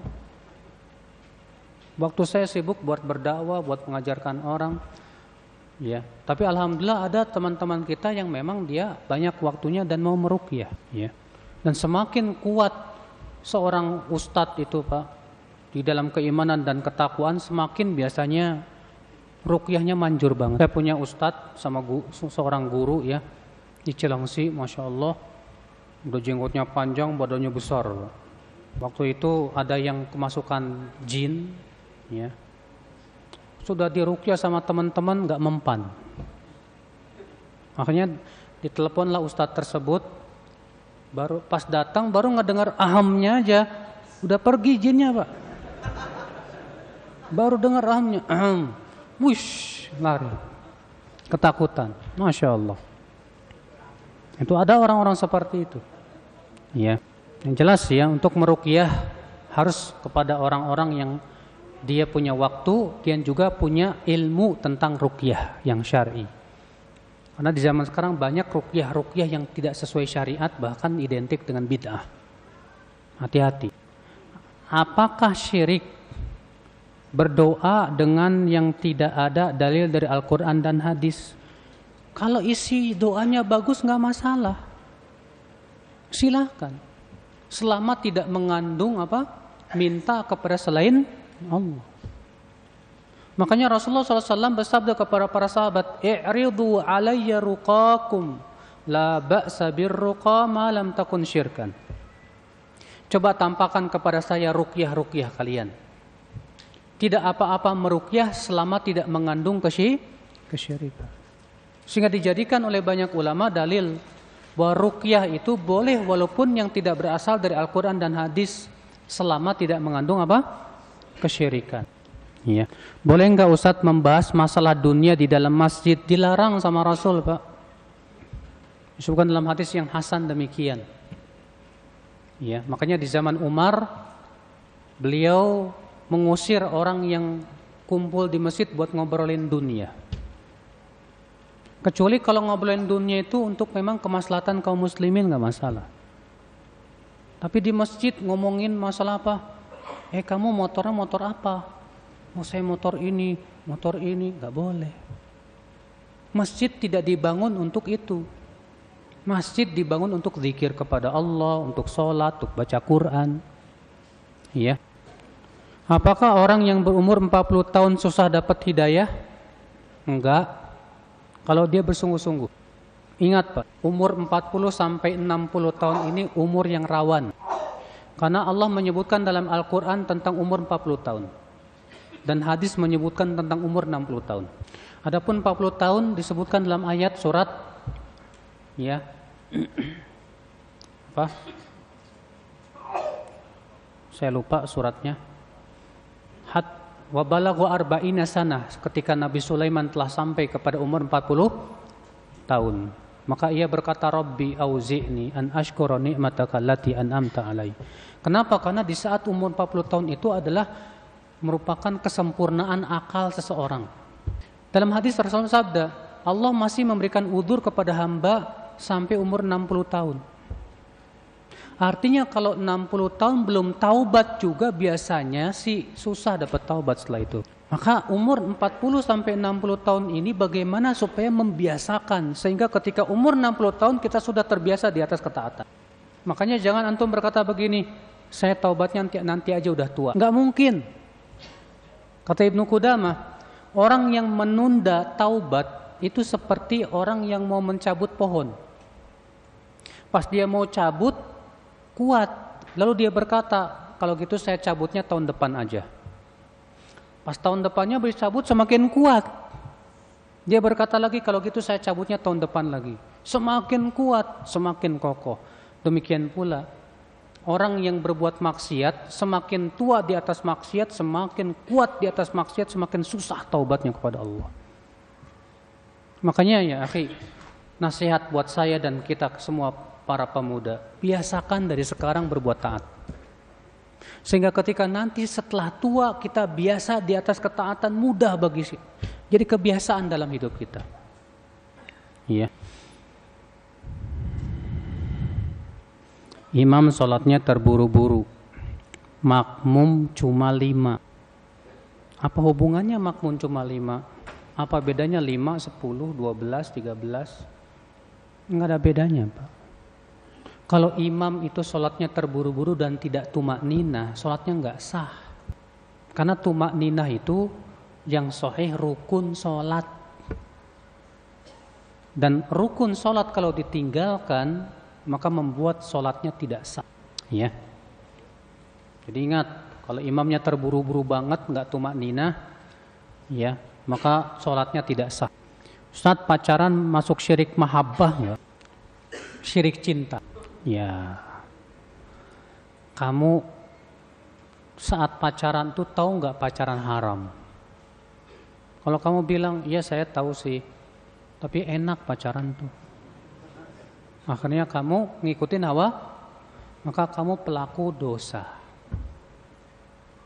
Tapi apa disebut syirik? Tidak. Sama halnya dengan pezina. Pezina disebut syirik tidak, Pak? Pemakan riba disebut musyrik tidak, Pak? Tidak, mereka ini pelaku do, do. Tapi kalau kamu bilang dia itu lebih saya cinta dari Allah. Wah, ini syirik ini. Ya, kamu sudah mencintai si dia melebihi cinta kamu kepada siapa? Wah, ini bisa syirik. Makanya kata para ulama, cinta itu berubah menjadi syirik kapan? Kalau sudah disertai dengan apa? Menghinakan diri kita kepada yang kita cintai. Karena hakikat ibadah itu kata Taimiyah dua. Yang pertama menghinakan diri kita kepada sesuatu disertai dengan cinta kita kepada sesuatu tersebut. Maka kalau terkumpul dua perkara ini berarti kita sudah beribadah kepada sesuatu. Iya. Ini apa ini? Apakah urut hamil itu kesyirikan? Ngurutnya pakai apa? Kalau urutnya sebatas pijat biasa, ya nggak masalah. Tapi ngurutnya sambil minta ke dukun atau ke jin atau yang lainnya. Ya. Maka kalau itu mengandung kesyirikan nggak boleh, haram. Adapun urutnya sendiri nggak masalah. Bagaimana hukumnya meninggikan kuburan dengan bangunan? Kata para ulama, meninggikan bangunan melebihi sejengkal itu haram dalam Islam. Makanya Ali bin Abi Thalib diperintahkan oleh Rasulullah untuk menghancurkan apa? Semua kuburan yang dibangun di atas sejengkal. Ali bin Abi Thalib diperintahkan Rasulullah untuk menghancurkan bangunan-bangunan yang dibangun di atas kuburan. Makanya membangun bangunan di atas kuburan itu haram dalam Islam, Pak. Nggak boleh. Iya. Karena itu dilarang oleh Rasulullah SAW. Ustadz, saya seorang ibu mohon doanya agar putri saya segera dapat jodoh. Nih, mana yang jomblo nih? Ini ada ibunya nih nawarin nih supaya anaknya dapat jodoh putrinya. Di sini banyak jomblo nih bu. Ya, mudah-mudahan jomblo yang ada di sini sadar. Ustaz tadi Ustaz sebutkan amalan agar meninggal di atas tauhid. Satu belajar tauhid terus menerus. Yang kedua apa? Ya. Yang kedua, kita selalu khawatir jatuh kepada syirik. Sebab kalau selama kita merasa khawatir terus jatuh kepada syirik, insya Allah kita akan jatuh dan eh, kita akan selamat dan hati-hati dari syirik. Yang kedua, yang ketiga, berdoa agar Allah lindungi kita dari apa? Syirik. Yang keempat, jauhi maksiat. Karena maksiat itu sering kali menyeret kita kepada syirik. Itu empat perkara tadi. Ya, yang pertama belajar tauhid terus menerus. Yang kedua apa? Hah? Iya, selalu merasa khawatir untuk jatuh kepada syirik. Yang ketiga apa? Selalu minta kepada Allah supaya dijauhkan dari syirik. Yang keempat apa? Iya, jauhi maksiat. Karena maksiat itu bisa menyeret seseorang kepada apa? Syirik. Allah Makanya kata para ulama, ya al maasi dihlizul kufur maksiat itu corong menuju kesyirikan ya Allahu alam Bagaimana dan apa hukum seseorang yang jarang sholat berjamaah Ustadz? Sekalinya sholat berjamaah dia menjadi imam karena dinilai lebih tua. Akhi, Rasulullah SAW mewajibkan para laki-laki untuk sholat berjamaah. Sampai-sampai Rasulullah ingin membakar rumah orang yang tidak menyaksikan sholat berjamaah. Maka dari itu, kalau ada orang yang jarang sholat berjamaah, ini orang yang meninggalkan sunnah Rasul dan perintah Rasul. Makanya kata Ibnu Mas'ud apa? Wa innaha lamin sunnani Rasulullah SAW. Dan sholat berjamaah termasuk sunnah Rasulullah SAW. Wa in taraktumuha la dhalaltum. Kalau kalian tinggalkan salat berjamaah, niscaya kalian akan tersesat. Sungguh kata Ibnu Mas'ud, kami melihat sendiri di zaman Rasulullah orang yang tidak suka salat berjamaah itu ternyata orang munafik. Maka dari itu, ya, orang yang jarang salat berjamaah ini kenapa? Tanya ke dia. Barangkali dia punya alasan yang syar'i. Barangkali dia ada halangan-halangan yang memang secara syariat diperbolehkan, nggak masalah. Ya, nah ini. Allahu alam semoga yang saya sampaikan bermanfaat. Mudah-mudahan apa yang saya sampaikan bermanfaat dan Allah jadikan ilmu kita ilmu yang bermanfaat. Mohon maaf bila ada kesalahan yang benar itu semuanya dari Allah dan yang salah itu dari diri saya dan dari syaitan. Subhanakallah bihamdik. Asyhadu an la ilaha illa anta astaghfiruka wa atubu ilaik. Assalamualaikum warahmatullahi wabarakatuh.